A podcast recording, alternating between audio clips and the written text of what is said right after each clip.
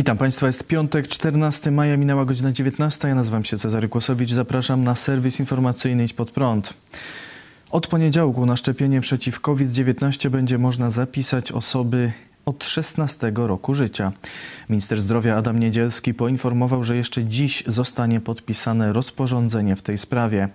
Przygotowany będzie też nowy formularz zapisu na szczepienie, który będzie zawierał miejsce na zgodę rodziców lub opiekunów na szczepienie dziecka. Od niedzieli ma być dostępny na stronie Ministerstwa Zdrowia oraz w punktach szczepień. Nastolatkowie mają otrzymywać preparat firm Pfizer i BioNTech, ponieważ tylko ta szczepionka została dopuszczona do podawania osobom w wieku od 16 do 18 lat.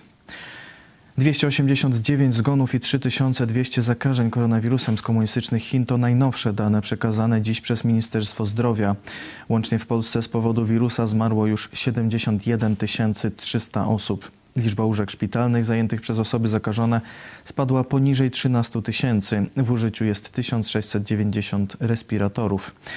Już 11 milionów 100 tysięcy osób w Polsce zaszczepiło się przeciw koronawirusowi, w tym 4 miliony otrzymały już dwie dawki lub szczepionkę jednodawkową. Senat odrzucił kandydaturę Bartłomieja Wrublewskiego na Rzecznika Praw Obywatelskich. Za kandydaturą posła PiS głosowało 48 senatorów przeciw 49.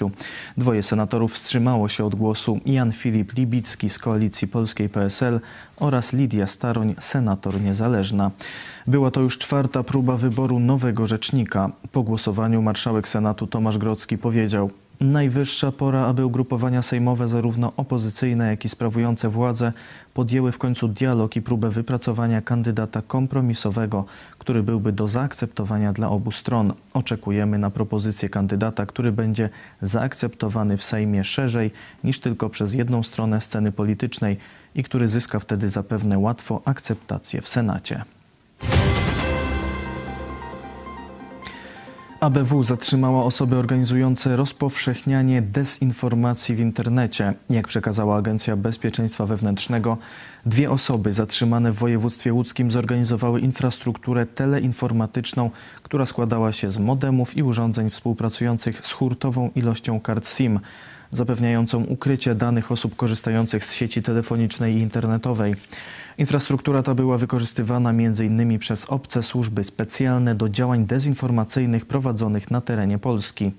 Zatrzymani zarządzali systemem oraz nadzorowali jego prawidłowe funkcjonowanie. Współpracowali z osobami, które udzielały wsparcia w zakresie technicznym oraz logistycznym. ABW przeprowadziła przeszukania w ponad 20 lokalizacjach na terytorium całego kraju, m.in. w miejscach zamieszkania zatrzymanych oraz osób pozostających z nimi w związkach przestępczych, a także w siedzibach podmiotów gospodarczych. Zabezpieczono obszerny materiał dowodowy w postaci urządzeń typu Simbox, kart SIM, nośników danych, w tym komputerów, telefonów, pamięci przenośnych i dysków twardych. Zatrzymanym przedstawiono zarzuty zakłócania pracy w sieci teleinformatycznej.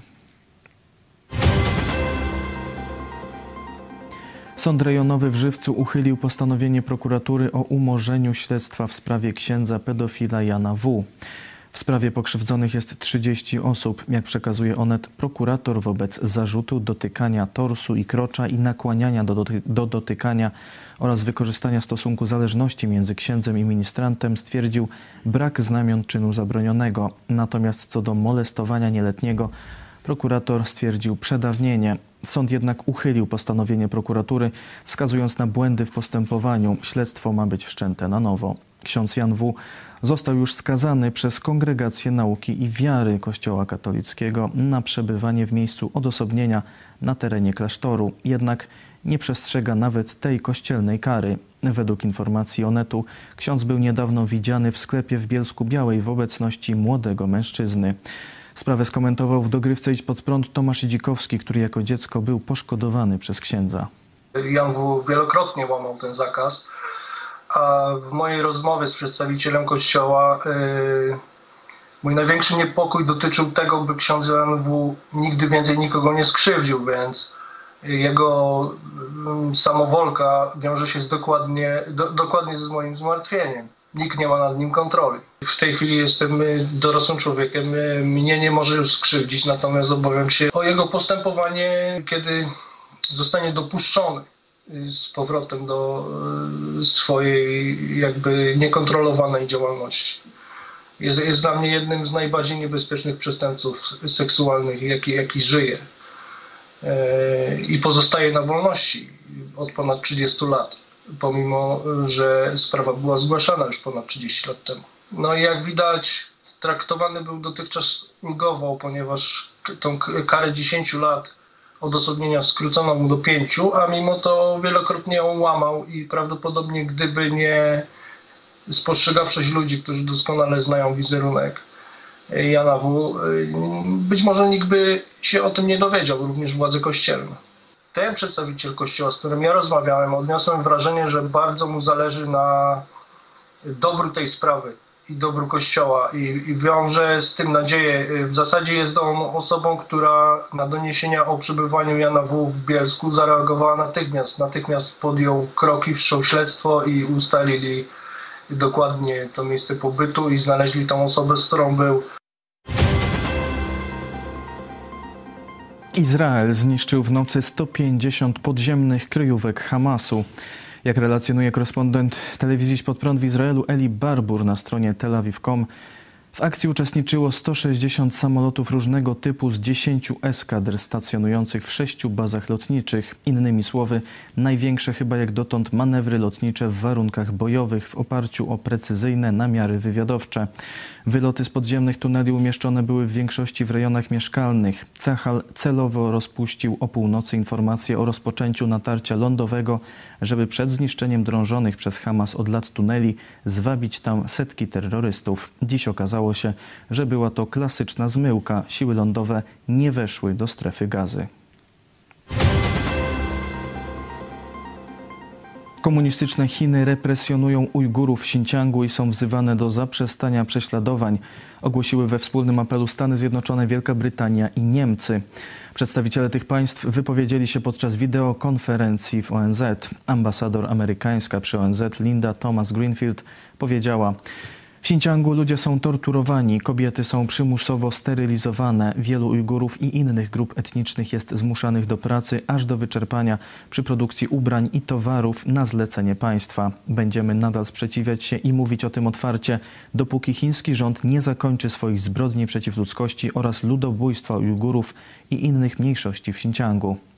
Barbara Woodward, brytyjska ambasador przy ONZ, stwierdziła, że istnieją dowody na masowe zatrzymania, zaginięcia, tortury, pracę przymusową i powszechną sterylizację w Xinjiangu. Przedstawiciel Niemiec Christoph Heusgen dodał: Wzywamy Chiny do przestrzegania powszechnej deklaracji praw człowieka i zburzenia obozów przetrzymywania.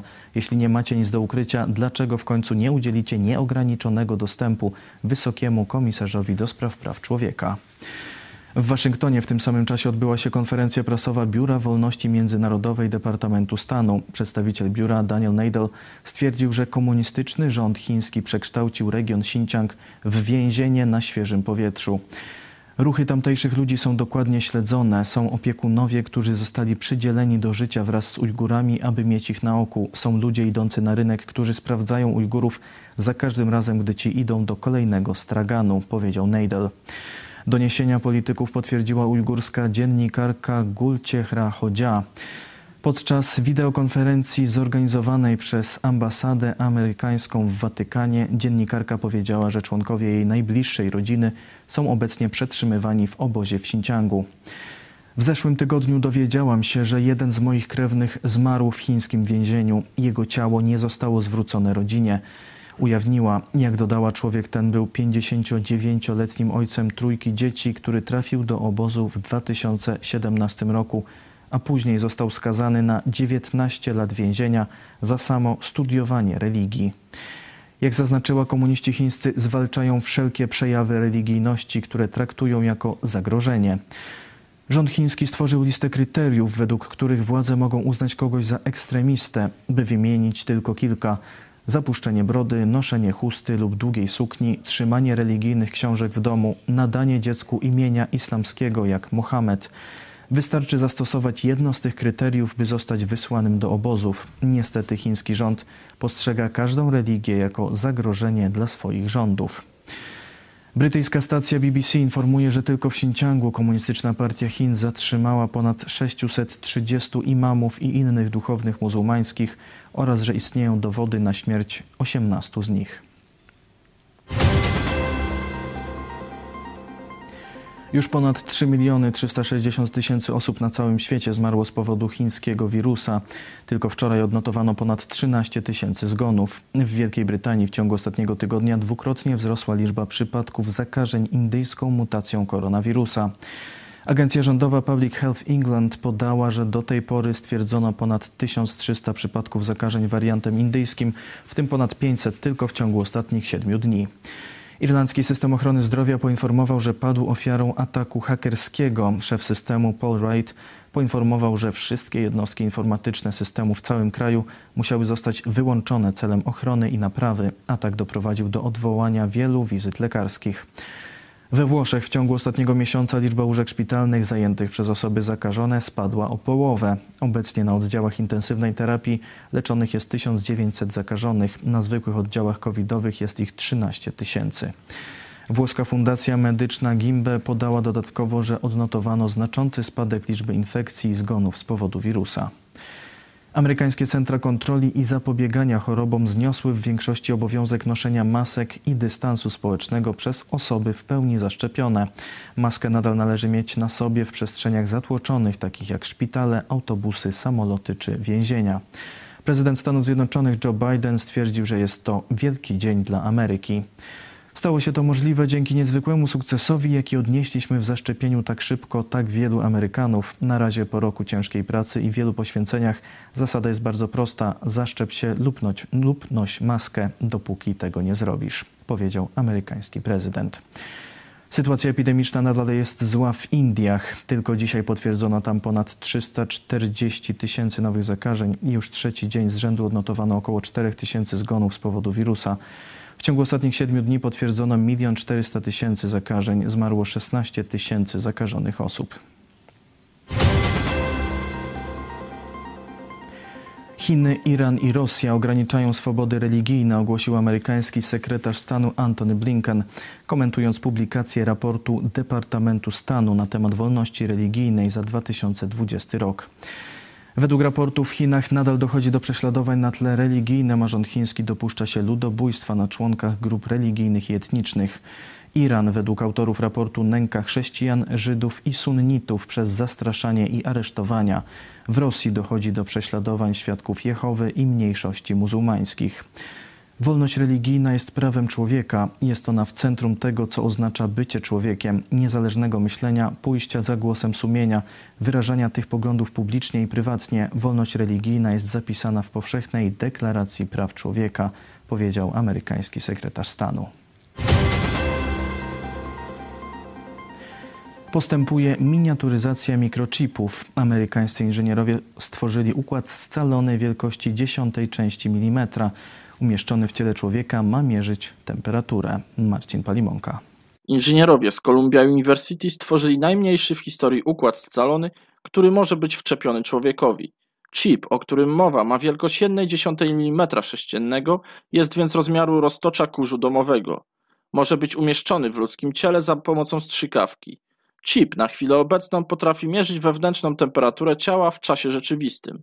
W przyszłości twórcy chcą dodać również funkcję monitorowania poziomu glukozy, oddechu czy ciśnienia krwi. Urządzenie jest zasilane i komunikuje się dzięki falom ultradźwiękowym. Pozwala na to przetwornik piezoelektryczny. Wynalazek jest rozpatrywany jako początek medycyny cybernetycznej. Urządzenia tego typu mogłyby w przyszłości badać organizm w czasie rzeczywistym, a nawet go leczyć.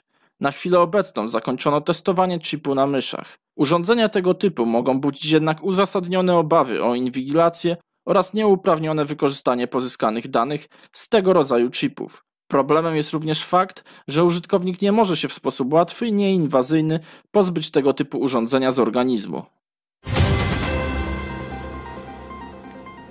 46 sekund to wciągająca powieść ukazująca kulisy pracy wywiadu i kontrwywiadu, wojnę psychologiczno-informacyjną Rosji z Zachodem i metody wpływania na świadomość całych społeczeństw. Pierwsze wydanie szybko się rozeszło i zyskało pozytywne opinie. Autor Xavier Messing, doradca instytucji wywiadowczych, kontrwywiadowczych i służb antyterrorystycznych, zapowiada drugie, poprawione wydanie.